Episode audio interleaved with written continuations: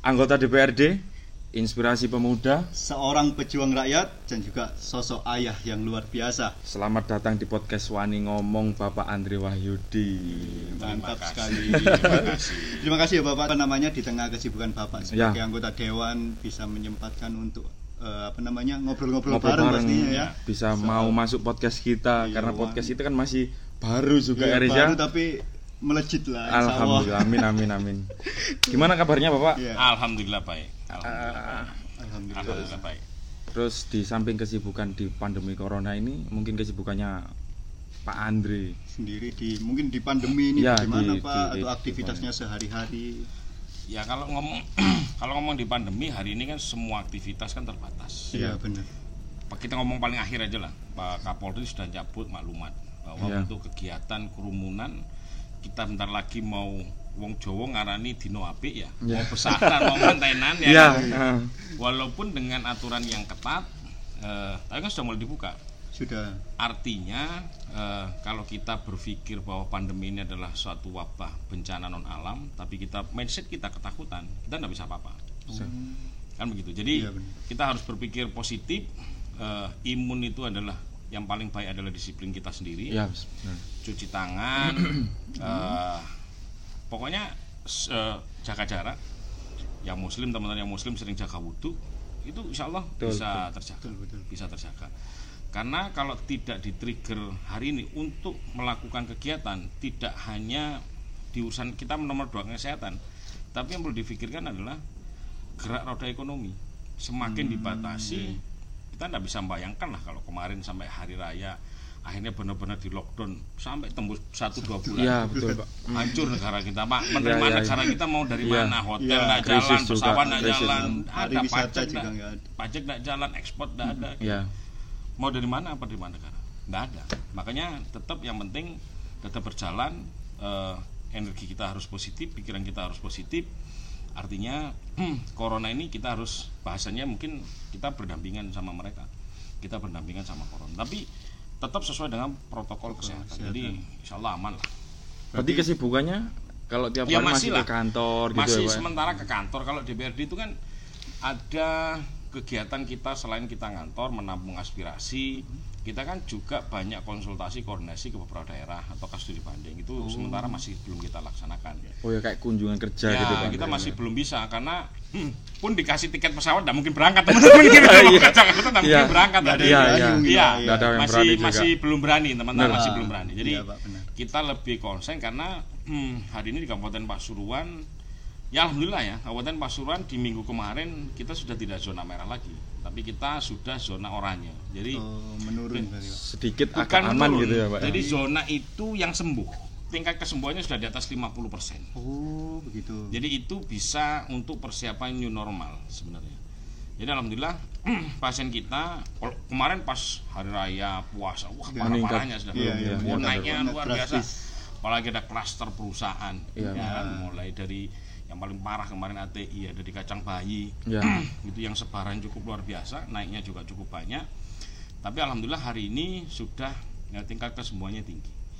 Jadi kita sudah menuju ke zona oranye.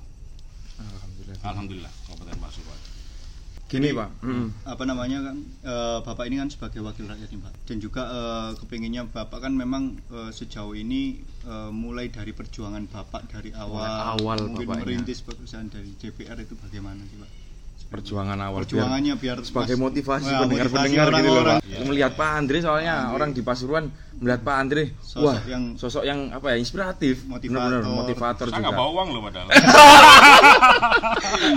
Lah, iya. dikasih tips iya jadi KN saya Soalnya kenyataan gitu. iya loh. sih pak Kenyataan Eh, gitu loh Pak. lihat respondennya orang-orang sih pak sebenarnya Iya betul. jadi prinsipnya gini sih kalau kalau kita ya kita ataukah semua orang lah semua posisi. Yang penting satu ngerjain apa pun itu harus ikhlas. Oh iya. Satu itu dulu. itu, hmm. apa pun ya apa pun harus ikhlas nothing tulus kita jangan pernah menghitung-hitung apa yang akan kita lakukan nanti toh kita akan mendapatkan apa. Itu untuk yang selebihnya itu sudah. Allah itu sudah ngatur ngikut. Rezekinya. iya gitu ya, ngikut. Nggak usah nggak usah dikejar itunya dulu kebalik nanti Iya Pak. jadi hmm, eh, jujur saya nggak kebayang dulu pengen jadi DPR oh nggak nggak pernah apa ya eh, terbayang dulu jadi cita-cita menjadi DPR. DPR. Saya SMA SMA Negeri Pandaan saya masuk MPT nggak katut nggak bisa masuk saya Oh berarti SBM itu ya S- sekarang kayak ya? SBMPTN iya gitu, Pak? kayak Iya, iya. SBMPTN hari ini ya oh ya saya waktu itu daftar kuliah di salah satu perguruan tinggi swasta di Surabaya terus saya sambil daftar politeknik jadi waktu itu saya kuliah dua cuman kuliah dua sampai setahun saja protol saya Salah satunya satu. protol Salah satu protol. yang S1 nya saya protol malah yang D3 nya saya D3-nya selesai yang- dan D3 nya pun saya D3 elektronika politeknik Tidak elektronika ada hubungannya berarti. sama sekali tidak nyambung hari ini saya jadi polisi sama iya, sekali iya. tidak nyambung saya registrasi pun mau ke pendaftaran di KPU ya dosen saya pada bilang Pak Nuh kan dulu Pak Nuh Pak Nuh mantan menteri pendidikan itu dosen pembimbing Hmm. Oh saya iya iya iya Pak. mau kerja di mana kamu anu pak mau nyalek dan dia. Beliaunya bingung gitu loh kok nyalek gimana? gitu loh. Mungkin ya seribu satu lah anak-anak Iya. Iya. Hmm, Iya iya. tapi kita kan nggak pernah tahu takdirnya Allah kayak apa kan nggak pernah tahu. Itu 2009 ya Om ya? 2009 Iya. 2009 2009 jadi hmm, eh, saya dulu nggak pernah kebayang. Cuman memang kalau saya berpartai cukup lama. Saya eh, lulus kuliah tahun 98 ya D3 98 saya pulang 98 dulu ah, reformasi dulu demo-demo ikut saya. Terus waktu itu masih sangat mudah banget saya berafiliasi kebetulan partainya yang hari ini yang kebetulan saya jadi ketuanya hari ini. Oh, iya, iya, iya. saya Benar, tidak pernah tidak pernah karena saya tidak pernah sekolah politik pak. Iya. keluarga saya tidak ada background keluarga politik tidak ada. Kok tiba-tiba pulang? Ya pengen karena apa ya? Ya biasa lah anak. Anak muda. pulang kuliah unemployed Iya. nggak ada ngapain iya, ya iya, kan iya. ya akhirnya dijak organisasi waktu itu. Apa organisasi pertama kali Om? organisasi waktu itu saya eh, kalau tahu masjid Ar-Rahmah di bypass itu saya ketua panitianya dulu tahun 99 kayak remaja masjid gitu ya kayak macam masjid gitu. Tapi saya bangun yang toiletnya itu yang masjidnya kan dapat bantuan dari luar negeri waktu itu. Cuman eh, akhirnya masuk di organisasi karena memang mulai sekolah ya di osis SMP Iya. SMA terus kuliah. Terus eh, jiwa itu masih ada Masih ada. jadi kok kan nggak berokasi nggak enak gitu kebetulan saya nggak pernah berpikir dulu langsung masuk di salah satu partai tadi itu jadi pengurus tapi pengurus itu mulai dari tingkatan dusun saya itu pun bukan ketua sekretaris Iya, jadi iya, iya. sekretaris namanya anak ranting Di Terus- DPC itu. Oh, di, apa bukan? anak DPC? ranting kalau DPC kabupaten Oh iya sih. jadi Lebih dari rendah lagi Om ya. RW tingkat RW Oh, iya, tingkatan iya, iya, iya. RW ya. jadi sekretaris ranting terus naik eh, sekretaris anak ranting Iya. sekretaris ranting ranting itu desa atau kelurahan terus sekretaris PAC kecamatan Pandaan itu sekitar 2002 Oh iya iya iya iya. terus 2005 jadi wakil bendahara DPC 2010 wakabit organisasi 2015 saya baru jadi ketua DPC bayangkan berapa tahun saya 2011 ya Om ya? 2000 berapa? Tadi 2015 99 Iya. 2015 baru ketua DPC ketua. DPC. Eh, Perjuangan 2000 jauh. Iya. Pesan yang pengen saya 15 kirim tahun. kalau hmm, sekali lagi ya kita boleh bermimpi ya berangan-angan boleh lah tapi jalani dengan ikhlas Iya. tapi jangan pernah ngejar jabatan itu menjadi sesuatu yang Harus harus, dipertahankan mati-matian Oh, iya. dikejar mati-matian Betul. Itu saya buktikan saya ngalir saya mulai dari bawah background keluarga nggak ada saya tidak ada background politisi Iya iya. iya. saya sekolah pun sekolah teknik D3 Politeknik yang nggak ada hubungannya sama sekali tapi dengan kita istiqomah tadi itu Oh. akhirnya semua kan semua orang akhirnya pada tahu semua orang pada nunjuk nah, akhirnya saya 2009 masuklah saya di lembaga DPRD Kabupaten Pasuruan itu untuk pertama kali Wah, ya. perjuangan. Ketua Gitu tuh. Waktu Om merasakan pertama kali dipanggil dapat surat dari KPU gitu ngerasanya gimana? apa ya ya mungkin pasti suatu kebanggaan ya Iya. pasti suatu kebanggaan lah pun kalau ngomong saya cerita jujur ya saya cerita jujur saya 2009 it- saya nikah 2006 saya pernah usaha sambil di partai saya usaha usaha saya hancur-hancuran 2006 saya menikah sama istri saya Yap. 2008 tambah hancur ekonomi saya yang dulu punya perusahaan habis lah semuanya Tapi malah berani nyala 2009. Iya, itu sesuatu yang kadang tidak masuk akal. Iya. Jadi saya nekat, bener 2009 nekat. nyalek itu naik motor pak, itu pun sewa ojekan, saya tidak punya apa-apa. rumah saya nggak punya saya kos bener saya kos saya bikin stiker dibantu temen bikin banner dibantu temen. Saya tanpa tanpa uang sama sekali. Saya ceritakan bener. Saya mungkin kalau kapan beberapa hari saya ceritakan di di Instagram atau di Facebook saya Iya. kan saya ngomong waktu saya nongkrong di perempatan Pandan Oh, tanya iya. Pak Abu Ya, ya waktu di warung itu ya, ya. tanya Pak. Abu saksinya Ya, ya. beliau sampai beliau Mas saya mau tutup. Itu sekitar 2008 2009 beliau saksinya. Tapi pun saat seperti ini saya juga tidak mau melupakan sejarah saya. Ya. Tidak boleh kita melupakan itu. Artinya sekali lagi kita ikhlas kita berjuang di apa pun. Passion kita mau ke mana Yap. ya. Karena kalau passionnya nyambung feelnya dapat insya Allah kita juga apa ya pekerjaan kalau hobi kan enak. Apa pun itu. Jangan ngomong kendala duit duit Gitu ya, ya. nomor dua bagi saya nomor dua itu saya buktikan sendiri.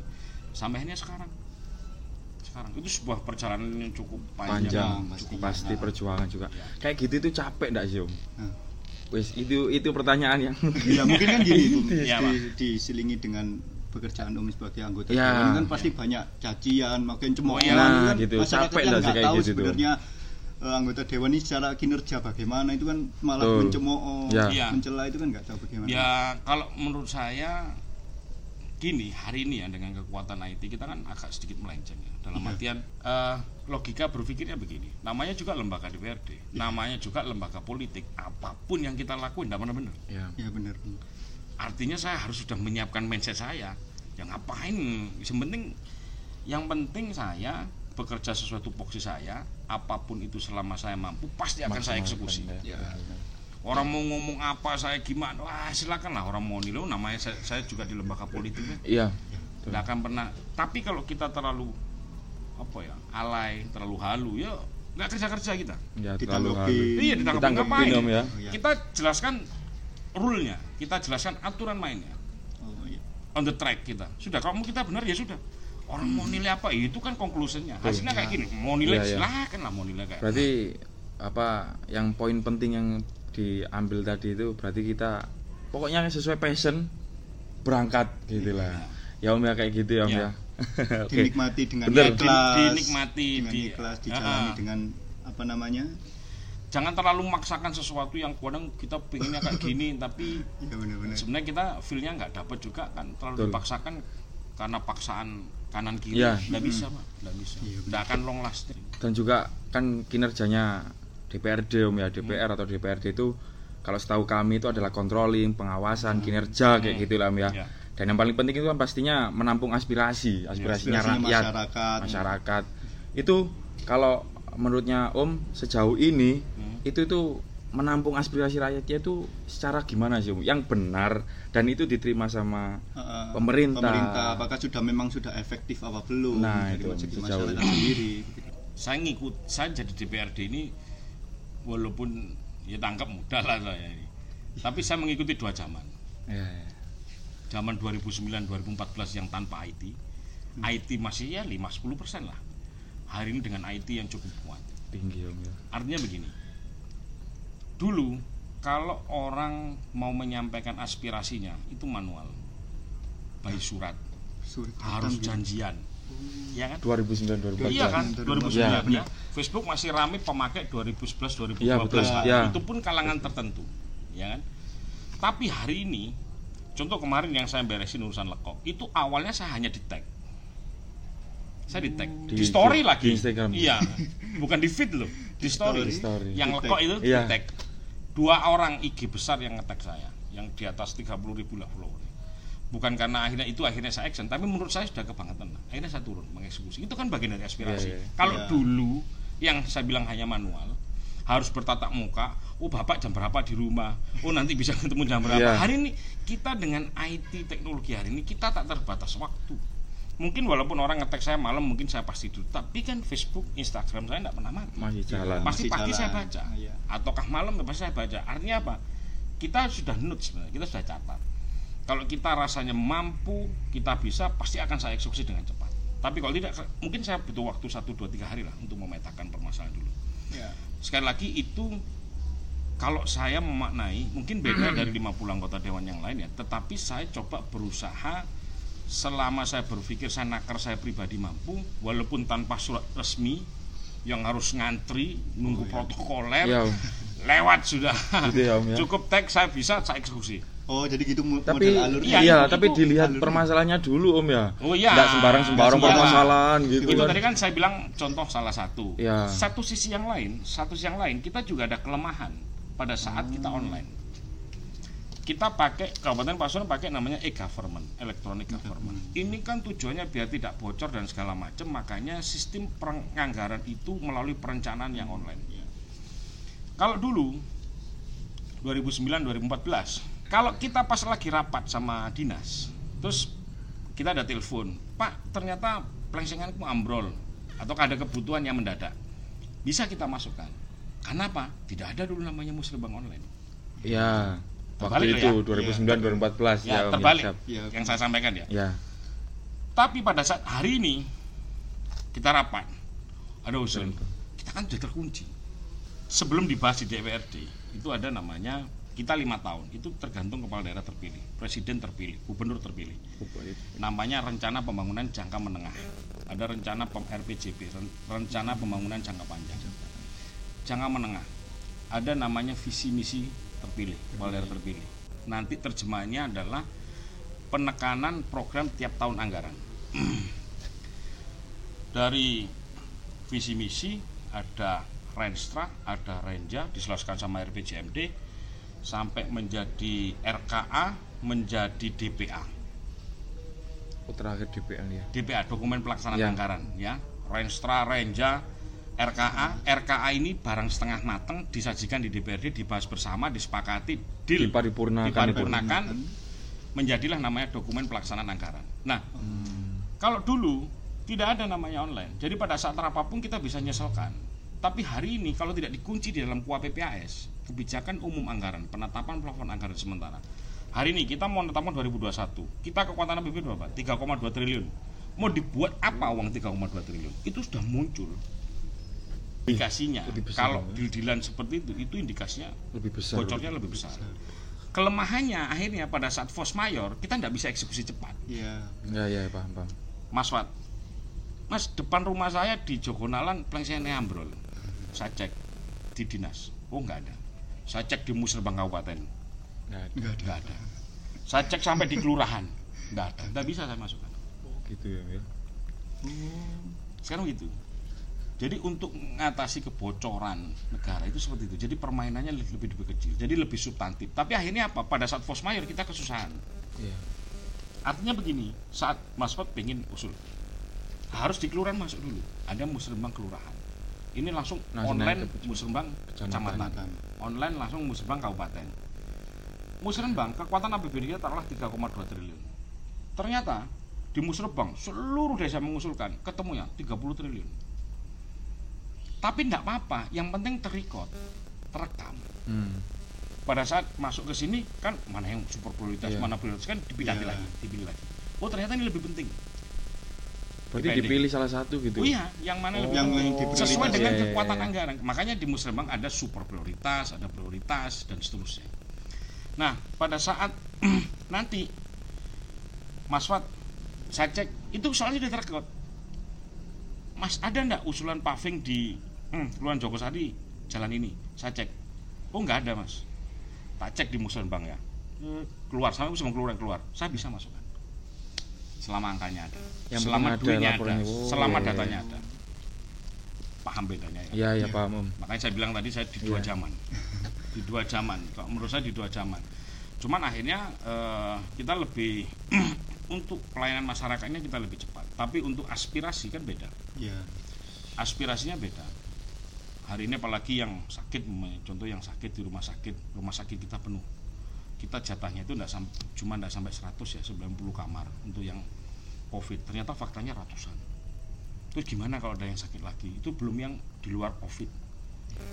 Ya kan? Ya, itu kan termasuk pelayanan pelayanan ya. Itu enaknya lebih cepat kita kalau online. Tapi kalau di fungsi penganggaran kita agak lambat akhirnya. Jadi perencanaan KUA PPS harus matang. Nah otomatis kalau misalkan di suasana covid gini om, kayak kayak gitu itu terpapres atau ada pengaruh enggak sih om? gini. Yang mulai dari penganggaran dari musrembangnya Hmm. dari perkelurahan itu. Jadi gini, hari ini dengan pandemi COVID, fungsi penganggaran kita DPRD sangat-sangat lemah. ada surat keputusan bersama antara Menteri Keuangan dan Mendagri dikuatkan dengan Perpres bahwa awal-awal mulai bulan Maret April ya itu sudah mulai rame COVID kita kan nggak bisa nangani COVID kita beli masker nggak bisa karena tidak terencana ya kan makanya COVID ini namanya bencana non alam kita nggak bisa. Belanja no disinfektan nggak bisa. Iya. tibalah muncul namanya surat keputusan bersama nomor 117J nomornya saya lupa lanjutannya. Jadi kira-kira seperti ini bunyinya. Belanja modal semuanya harus dipotong 50% untuk covid. Semua itu. semua. Dan pemerintahan daerah gubernur bupati wali kota itu harus nyetorkan refocusing anggaran kalau tidak salah waktu itu tanggal 21 April 50% dari belanja daerah. jadi kita ketemu 600 miliar Dipotong ya. 600 miliar direfocusing Hmm. terus direncanakan kembali beli apa disinfektan nah kemarin proyek yang Kabupaten Bosen mungkin dengar yang proyek masker yang ribuan Iya. 8 Iya. miliar Iya. belum untuk yang penanganan beberapa rumah sehat ya seperti SKP yang Buat isolasi hotel, itu buat ya. isolasi mandiri segala macam kan tidak terencana semua ini dimasukkan di situ namanya PTT dimasukkan sama belum lagi yang jaring pengaman sosial bagi warga yang benar-benar terdampak dikasih jaring pengaman sosial Ya. sembako dan seterusnya walaupun datanya agak amburadul sih Iya. menurut, Iya. menurut kami agak amburadul datanya jadi refocusing anggaran digeser kita hampir 600 miliar perencanaan kita 175 miliar Yap. Hari ini kisaran yang terserap sekitar hampir 100 miliar Wah, besar juga ya Om ya. besar Besar. ya. besar banget lah kita kan untuk yang contoh Forkominda dari Polresta Polresta yang Iya. sempat rame kemarin juga kan di Polresta aja 3,5 belum Polresta karena wilayah hukum kita kan ada dua Iya. terus dari Dandim sampai tingkatan Koramil dan segala kita kan butuh koordinasi karena faktanya Babinsa Babin Kamtipmas itu yang di depan untuk menyentabilkan pada saat ada warga positif karena kan orang pasti panik ya. Ya. sampai ada beberapa titik yang mereka mau di apa ya diusir halus lah. Kalau ada yang positif awal-awal itu makanya kenapa kemarin di Instagram di medsos saya kan saya banyak turun ke rumah positif. Ya, itu sebenarnya saya kirim pesen. karena ada tiga rumah yang diusir. Saya turun sendiri. Di Gempol ada di Candiwates ada. Yang intinya karena sosialisasi kita yang kurang menganggap ini suatu penyakit yang seperti bom atom bisa meledak semuanya bisa kena tidak seperti itu sampai diusir sampai anaknya aja mau beli apa di tetangga sebelah tidak boleh kan kasihan jadi apa kita harus sisi kemanusiaan lah kalau yang ini Kalau dilihat dari ekonomi eko Pasuruan pasti turun ya ya. pasti turun lah Apalagi Pasuruan juga industri kan. Industrinya Ya. Nah, besar. industrinya Ah. besar. Jadi gitu gini, kemarin itu data yang kita sempat silang pendapat juga ya dari dinas dengan kita. Saya langsung coba dengan beberapa asosiasi. Versinya di Snaker ada kurang lebih 3.000 mentok 5.000 karyawan yang dirumahkan. Versi kita dari beberapa asosiasi itu 15.000. besar gitu ya. tiga kali lipat 15.000 itu pun hanya mereka cuma dikasih sembako kalau tidak salah satu kali senilai 200.000. Padahal sudah kita siapkan pemetaan. Jadi ada yang PHK, Hmm. ada yang dirumahkan tapi digaji separuh. Tripartit ya, istilahnya tergantung mereka deal-dealannya dia Iya, di perusahaannya. sama perusahaannya. Ada yang nanti stabil balik orang di maning tapi kita tidak pernah janji. Itu yang terjadi. Itu yang industri. Belum yang pergerakan ekonomi kerakyatan. UMKM, warung kopi dan segala hancur Pengaruh, kita Pak. hancur, ya. Hancur. Sampai kemarin aja Pak bupatinya juga apa mengeluh juga. ya lah ini ini ini semua kepala daerah saya yakin semua pejabat negara saya yakin pusing hari Iya. Iya. pusing jadi eh, tapi sekali lagi kan kita harus berpikir positif, Positif kita juga. harus bisa berkreatif apa ya ya berkelit di saat sulit lah saya yakin bisa lah Siap. bisa apalagi soal ini ya ya apa namanya kalau lihat dari keaktifan apa namanya bapak di Instagram di sosial media Nah, apa pun iya. di Aktif industri-industri sekali, kreatif Ya, kegiatan-kegiatan Media sosial media juga. sosial lah, pastinya itu kan sangat apa namanya Berpengaruh juga. berpengaruh juga hanya peluang di khususnya di Pasuruan ini soal industri kreatif sendiri menurut- Industri kreatifnya itu loh. apalagi di tengah pandemi kan pandemi kita nggak bisa beraktivitas di Iya, akan benar. dibatasi dengan aktivitas Tapi kemarin kita ambil poin penting itu bulan Bung Karno itu. Ya itu juga Bulan Bung Karno kan ya apa ya agak pengaruh di industri kreatif Pasuruan itu kan kemarin kayak terangkat gitu kayak ya. terangkat gitu loh. ya. Nah, itu apa mungkin bisa diceritakan bagaimana kok di tengah pandemi Pak Andre seorang Pak Andre bisa membuat Sesuatu kayak gitu bulan kreatif. bulan Bung Karno sampai viral itu. ya banyak teman-teman sampai protes yang teman pas separtai saya yang di Probolinggo ya ini sampai protes Iya. itu ternyata, ternyata IG-nya jangkau ke sana gitu. apa medsos jadi gini aja saya berpikir gini loh Eh, mungkin kalau dilihat di tampilan sekali lagi medsos itu menurut saya satu bagian pelaporan saya kepada rakyat Hmm. Ya, ya. ya saya dipilih oleh rakyat inilah kinerja saya sebagai rakyat sebagai wakil sampean. Apa pun selama saya mampu saya sampaikan. Ini loh. Jadi saya coba membuat satu narasi. Kalau dulu itu DPR yang susah ditelepon di rumahnya nggak pernah ada sudah tag aja di medsos saya. Pasti saya baca. Gitu. Makanya saya aktif. Jadi untuk sebagai penyalur aspirasi itu sampaikan aja di medsos saya. Pasti eh, kalau istilahnya tidak terlalu berat pasti akan kita langsung eksekusi lah. Tapi kalau butuh beberapa stakeholder yang lain pasti kan saya butuh Ya, waktu ya, ya. tetapi paling tidak di situ saya coba jebol itu dulu. Jebol birokrasi yang panjang dan ribet saya jebol dulu. Loh. cukup di tag lah sekarang sih Iya, iya. apa sih apa. Nah sampai ah, makanya awal mulai Maret jaring pengaman sosial saya protes keras perencana APDBD yang refocusing BTT sampai saya turun sendiri ke rumah yang positif sebagai pesan moral saya. Saya nganggarkan untuk tukinnya anak-anak orang-orang kesehatan tenaga medis kita sampai terakhir kemarin kita tambahin lagi Yap. dari 700 Hmm. ya yang terakhir saya naikkan kan saya tambahin lagi gitu kan ada yang mikirkan berat lah di sana satu sisi saya umek di urusan pemerintahan berkutat kebijakan dan APBD Ya. ini anak-anak muda pada ke mana Nah, itu, itu ya, yang ya, ya, kemarin ya. yang kemarin ada momen bulan Bung Karno Pancasila lahir 1 Juni Bung Karno lahir 6 Juni Bung Karno meninggalnya Jadi di bulan Juni gitu Iya, ya. Bung Momen Karno nya kan banyak. meninggalnya tanggal 21 Juni gitu loh. Pak Jokowi lahir 21 Juni gitu loh. Terus kelompok di sana akhirnya kita akhirnya kita bikin namanya bulan Bung Karno tadi itu akhirnya. Jadi eh, saya kepingin anak-anak di tengah pandemi ini juga kreativitasnya tidak boleh mati gitu loh. Tidak boleh mati, mereka harus hidup dan harus di-trigger. Nah, kan memang tidak ada wadah. Jadi kemarin pun dengan waktu yang cukup singkat ya dengan tim ya 3 4 hari lah kita ngonsep ya agak kedadar juga. Tetapi akhirnya Jalan boomingnya ya. Booming, luar oh, biasa. iya. Booming, luar booming saya biasa tahu sendiri. yang ngetek aja belum belum karyanya ya. Jadi satu sisi yang ingin saya kirim pesan satu mungkin anak-anak muda yang hari ini mungkin yang dia generasi eh, di bawah 25 lah.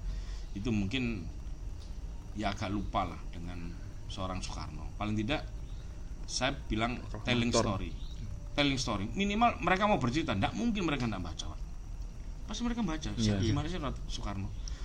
Saya bilang silahkan lah mau istrinya kayak mau keluarganya kayak mau dia perjuangannya Iya, dia iya. bentuk negara kesatuan ini kayak apa silakan apa pun pokoknya terkait Soekarno mau gaya bajunya kayak yang Hmm. kopiannya yang revolusioner mau Kayak fotonya Om ini.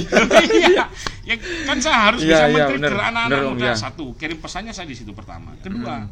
sekarang di tengah covid gitu loh. di tengah covid eh, anak-anak kan harus tidak boleh mati pikirannya gitu loh. makanya mungkin kemarin yang band yang kenapa ada yang menang itu bukan karena saya kenal karena mereka semuanya dapat lagu Bung Karno nya dapat dia pesan covidnya dapat jadi dia band tapi syutingnya di rumah masing-masing Iya. kan gitu yang Iya, menang nomor banyak- satu iya, bener-bener. itu Saya halus pesannya tag saya, itu. ih, gila Iya. keren artinya apa anak-anak di tengah pandemi itu sensenya Masih ada. ya.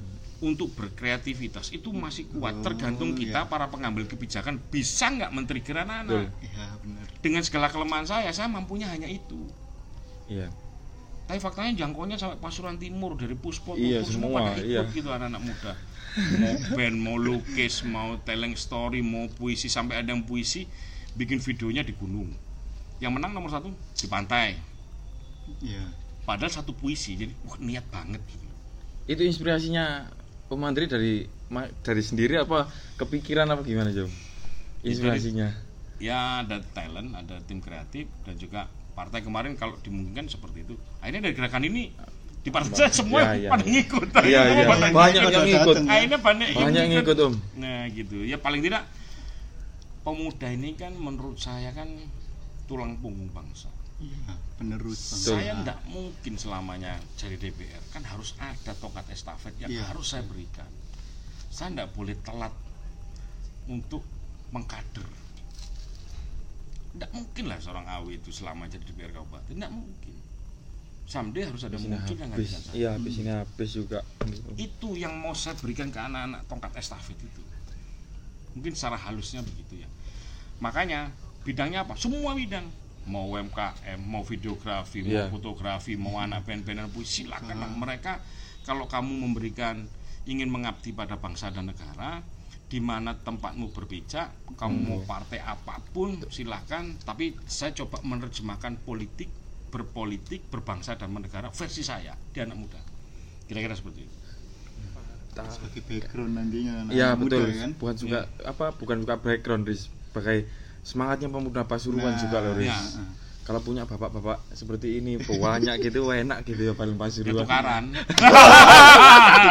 akan bapak Terus berarti kalau misalkan apa namanya industri kreatif yang di Pasuruan memang yang memang kalau pandangannya Pak Andri yang perlu Ya. dikembangkan itu jadi gini sebenarnya kalau ngomong sesuatu yang kreatif ini apa sih makna industri kreatif Iya. sebenarnya di peraturan perundangan sudah ada namanya ekonomi kreatif Iya, Ek- ekonomi. ekraf Yes. ekraf itu ada 16 subsektor mulai film sandiwara ludruk sampai UMKM kuliner segala macam ya. Bahasanya ekonomi kreatif tapi 16 subsektor ini kalau diproyek ini banyak banget. Nah potensi yang ada di Kabupaten Pasuruan ini luar biasa. Luar biasa. Luar biasanya. sampai saya susah berkata-kata. Ya. Luar di mana saya berpijak di Pasuruan? Sebenarnya mana yang tidak bisa kita create sebenarnya? Contoh sederhana aja. Saya turun ke lekok di tengah urusan sampah tapi nextnya saya naikin apa? Mas Fat mungkin paham lah. Paham. saya naikin potensi ikan. Ikan Iya. betul. saya sampai nyebrang ke rumah apung. Orang pada tanya naik apa? Naik perahu. Ke mana itu rumah apung? Di sana itu ada keramba ada kerapu kakap putih. Dilekok itu. di Lekok ada. Saya ngomong kita lo dari tol dari Taman Dayu ke rumah saya? Dulu tuh satu jam lebih. Sekarang saya tol, tol gratis paling lama 35 menit. Dari exit tol gratis ke Lekok tidak sampai 7 menit ini kan potensi yang cukup luar biasa. Akhirnya apa? Banyak saya lihat anak-anak seputaran Lekok baik di Instagram atau di Facebook pada ngangkat potensi perikanannya. Jadi tidak hanya urusan sampah kotoran sapinya Terus naik apa pak ke rumah apung? Naik perahu berapa saya 250 Tak kasih nomor telepon banyak ternyata Belum lagi tiap sore kalau hari-hari gini hiu tutulnya kan keluar Bisa bisa Oh, ada hiu tutul. Ada hiu ya. tutulnya Wih, Pasuruan kaya Itu ternyata. salah satunya belum yang lain Belum yang lain, ya. gitu loh Nggak cukup nanti. Wow. iya. Ya kalau kalau ngomong industri kreatif itu banyak lah Kalau di sisi yang di sisi apa yang paling garis besar lah Om. Pemuda buat pemuda-pemuda lah Om. Apa pun Pasuruan wabil khusus Pandaan itu ada pernah band legend yang bisa nasional kita ndak bisa niru genrenya kita tiru spiritnya Oh, iya. Siapa nulis El Pamas. Oh, ya El Pamas. Loh, Ada iya Riz. kan? El Pamas Ada band bener. El Pamas zaman Bener, dulu ya, El yang ya. rock itu hanya dua God Bless sama El Pamas Iya. Tot- Mas Toto Tewel itu semua kan gawangnya kan dari Pandaan itu paling nggak spiritnya layak kita ambil. Makanya kemarin anak-anak muda yang band-bandan saya fasilitasi terus anak-anak muda. Saya pengen someday itu adalah yang yang ada band yang sampai tingkat nasional lah dari Kabupaten Pasuruan. Karena Hmm. sebenarnya potensinya luar biasa. Kemarin saya anak-anak yang ikut band saya tulis bulan Bung Karno silakan yang mengcover. Yang menciptakan lagu sendiri silakan. Duh, ternyata, Banyak ternyata. yang nyiptakan Iya. lagu sendiri loh banyak dan semua keren-keren. Ini mungkin salah satu di industri kreatif hanya salah satu sama lihat fotonya semuanya berakting beraction saya butuh ruang lagi untuk mengeksplor ya tapi paling tidak karena saya politisi saya anggota DPRD kan saya harus bisa nangkap ini yang menurut saya ini adalah resources yang kalau kita manage dengan baik Akan bisa berkembang. akan bisa berkembang anak-anak kita. Iya. Ada kita sekarang ada OBD namanya Dinas Pemuda dan Olahraga baru berdiri sekitar tiga tahun. Oh, di Pasuruan ya? Ada. Ini nanti akan saya support ke sana. Mungkin karena hari ini masih Covid ya mungkin 2 3 tahun ke depan nanti paling tidak di perencanaan akan kita atur potensi-potensi yang ada paling tidak dari eh, kegiatan bulan Bung Karno tadi kan sudah kelihatan pemetanya. ya itu bisa tahun depan tahun depan bisa Nah, dimanfaatkan itu itu belum Betul, betul. kegiatan UMKM, sing anak-anak kreatif, sing warung kopi. Belum lagi sekarang banyak yang kita paksa anak-anak muda tidak hanya pengen kerja di kota besar, tapi mereka kita balik lagi ke rumahnya untuk bertani yang punya Ya, sawah, ya. Gitu loh. Nggak jarang loh yang punya kentang. Tunjukkan saya kabupaten mana. Yang bisa pembibitan mulai G0, G1, G2, BBDW sampai tandur dewi tunjukkan saya di mana. Kalau apel ada dua, Batu. Sama kita. Terbesar di kita. Batu sudah banyak industri eh, berbasis wisatanya. Jadi apelnya agak kurang. Jadi 80% apel dari kita belum wortel belum sedak malam. Sedak malam di Bali itu semuanya dari Rembang. Wow. kenapa dari Rembang? Baunya yang paling kuat yang bisa long lasting bisa satu minggu itu Rembang. Saingan kita Bogor.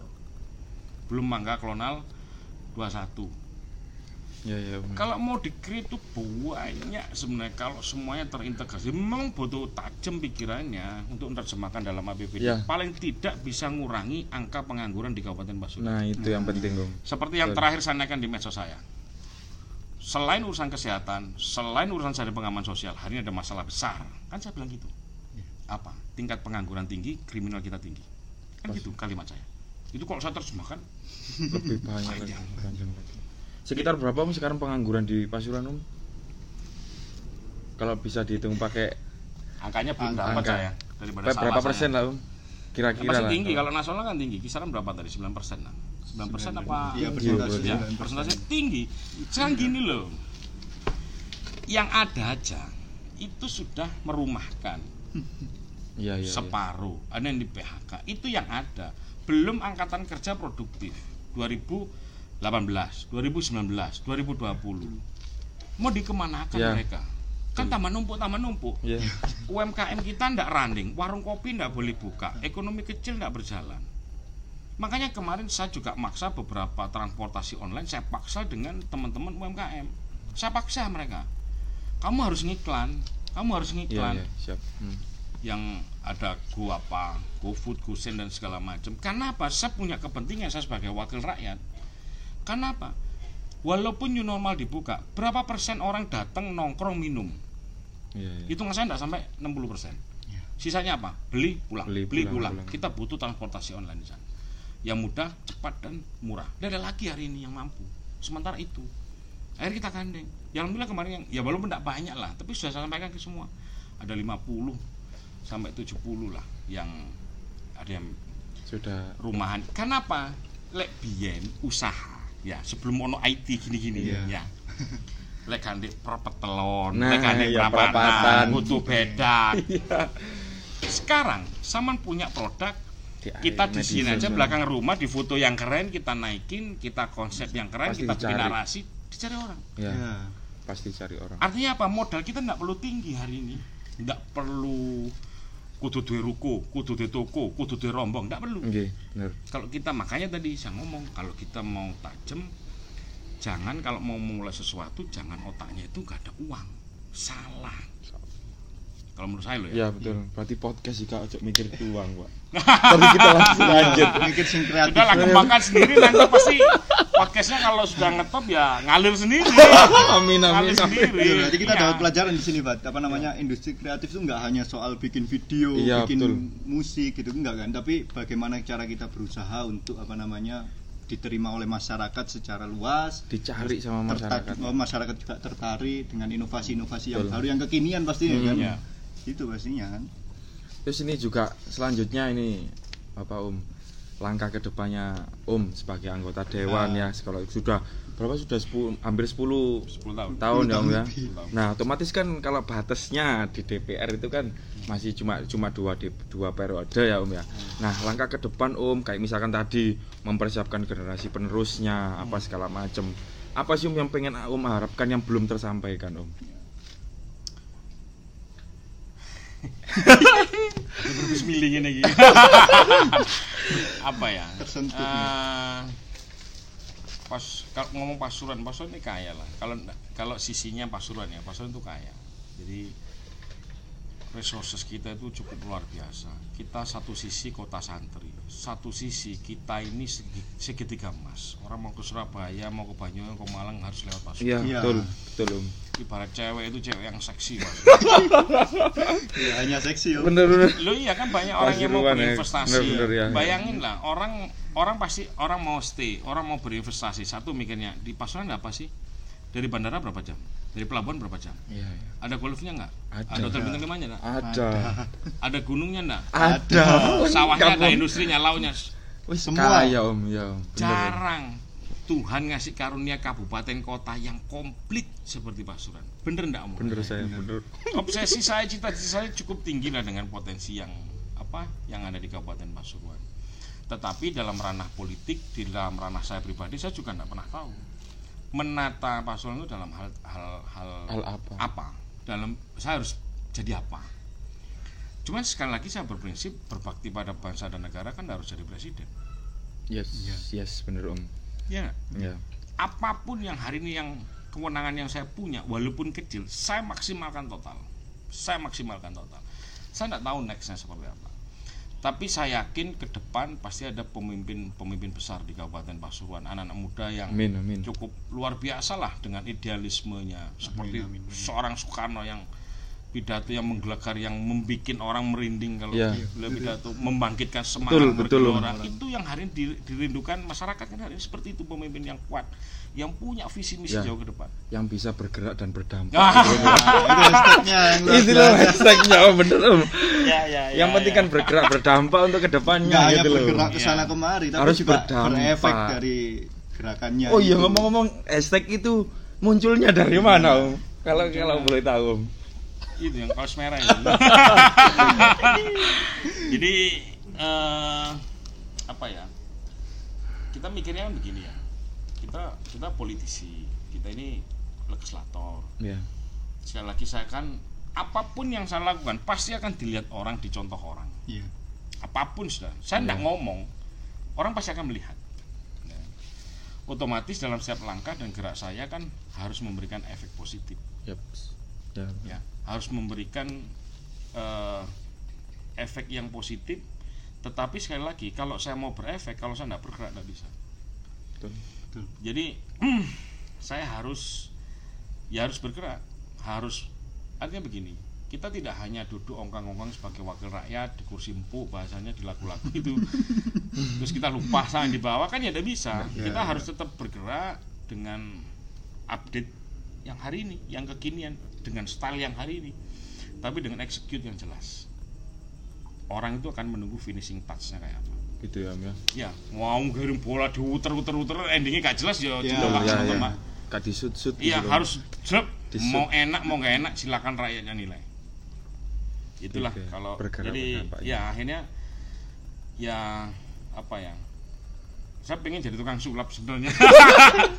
Kalau Mas- saya turun bisa saya sulap gitu loh. Ah, lah kok ah, ah gitu. Jadi jadi punya obsesi itu sih saya. Iya.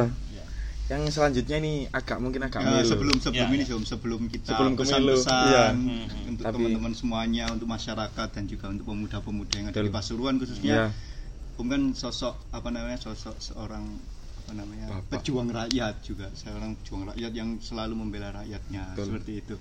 Nah, Om sendiri eh, sebagai samping itu. sosok ayah untuk keluarga itu bagaimana sebenarnya? Sosok Bisa keluarga. berjuang untuk Ya, rakyat, betul. tapi Ya. ya, sebagai Sosok berjuang keluarga di itu Nah, betul. bagaimana? Sosok keluarga di mata Om lah. Sendiri. Ini seperti podcast yang kemarin pertanyaannya yang mirip Oh, iya, gini. Iya. Keluarga apa pekerjaan? Ya, saya kan pusing jawabnya gitu.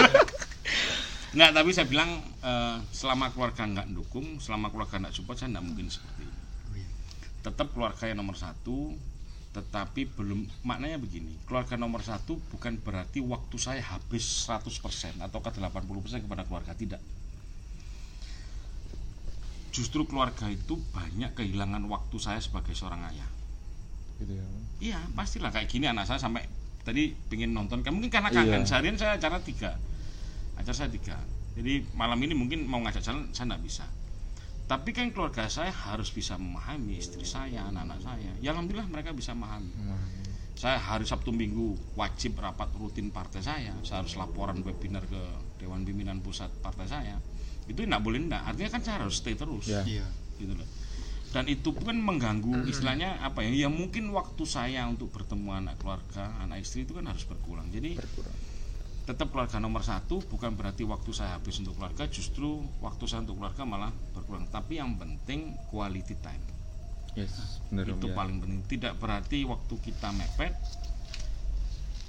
akhirnya keluarga juga enggak ada. Iya keluarga seolah-olah di nomor dua kan? Nomor dua kan. kualitas time-nya apa di hari apa om? Kan sabtu minggu.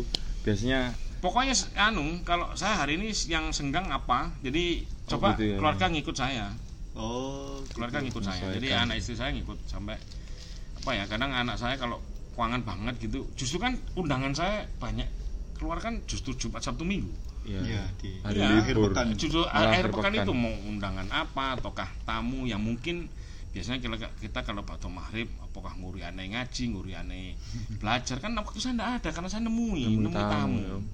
Nah, hal terkecil gitu aja ya saya masuk rumah anak saya masih kecil jam 10 saya masuk kamar anak sudah tidur. Iya iya. Gitu akhirnya mungkin waktu saya kan juga terus terus berkurang lah. tapi ya itu bagian dari resiko saat kita berjuang mengabdi pada masyarakat. Justru kita harus pinter-pinter ngatur waktu ya makanya pengertian keluarga support keluarga itu nomor satu. Makanya mungkin kalau teknisnya mungkin sekarang keluarga banyak yang ngikut dari jadwal saya. Tapi itu kan enggak enggak yang penting kualitinya tadi Yes. itu Iya. kualitinya berarti gitu perjuangannya Iya, kalau tetap jadi DPR ayah yang kalau baik jadi di ya mata bener. keluarga pastinya. terus selanjutnya om yang mungkin poin yang paling penting ya om ya pesan Ya, mungkin harapan untuk, untuk masyarakat, semua masyarakat untuk pemuda juga Pasuruan, khususnya masyarakat Pasuruan pesan harapannya untuk ya wis semuanya lah om semua kalangan lah, Om. Ya sebenarnya sama topiknya. Yang yang pertama hari ini orang itu harus wani ngomong. Wani ngomong. Wani ngomong. Iya, ya, Iya. sip. Oh, ya sama kayak podcast ini. Orang harus berani ngomong. Sekarang kan gini ya. Sama kayak gini. Hari ini tuh banyak orang ngumpat. Ngumpatnya hanya di medsos. Iya, Tapi tiba-tiba tidak ketemu diskus lari. Yes. iya, Ya. Berani ngomong ya berani tanggung jawab. Itu orang-orang yang komitmen. Nah, di antara orang-orang yang sukses itu orang-orang yang komitmennya kuat. Garis bawah itu, Riz. Oh iya, mau jadwal waktu, is lah kemarin-kemarin yang mungkin kita agak lembek komitmen sama orang, karena orang itu yang dipegang omongannya, Iya, komitmennya. komitmennya, gitu loh. Ini juga. Orang mau nilai A, B, C, D itu silakan orang yang nilai. Yang penting kan kita tidak sampai. Yang penting prinsipnya kalau kita berteman, berorganisasi itu jangan sampai nyakiti hatinya orang. Gitu ya. Jangan sampai nyakiti. Sebisa mungkin kita ah bahasanya ngalah tapi bukan berarti kalah. Titip pesennya untuk masyarakat Kabupaten Pasuruan, ayo kita bangun Kabupaten Pasuruan bersama-sama. Nggak mungkin saya yang hanya seorang anggota DPRD itu membangun Kabupaten Pasuruan sendiri.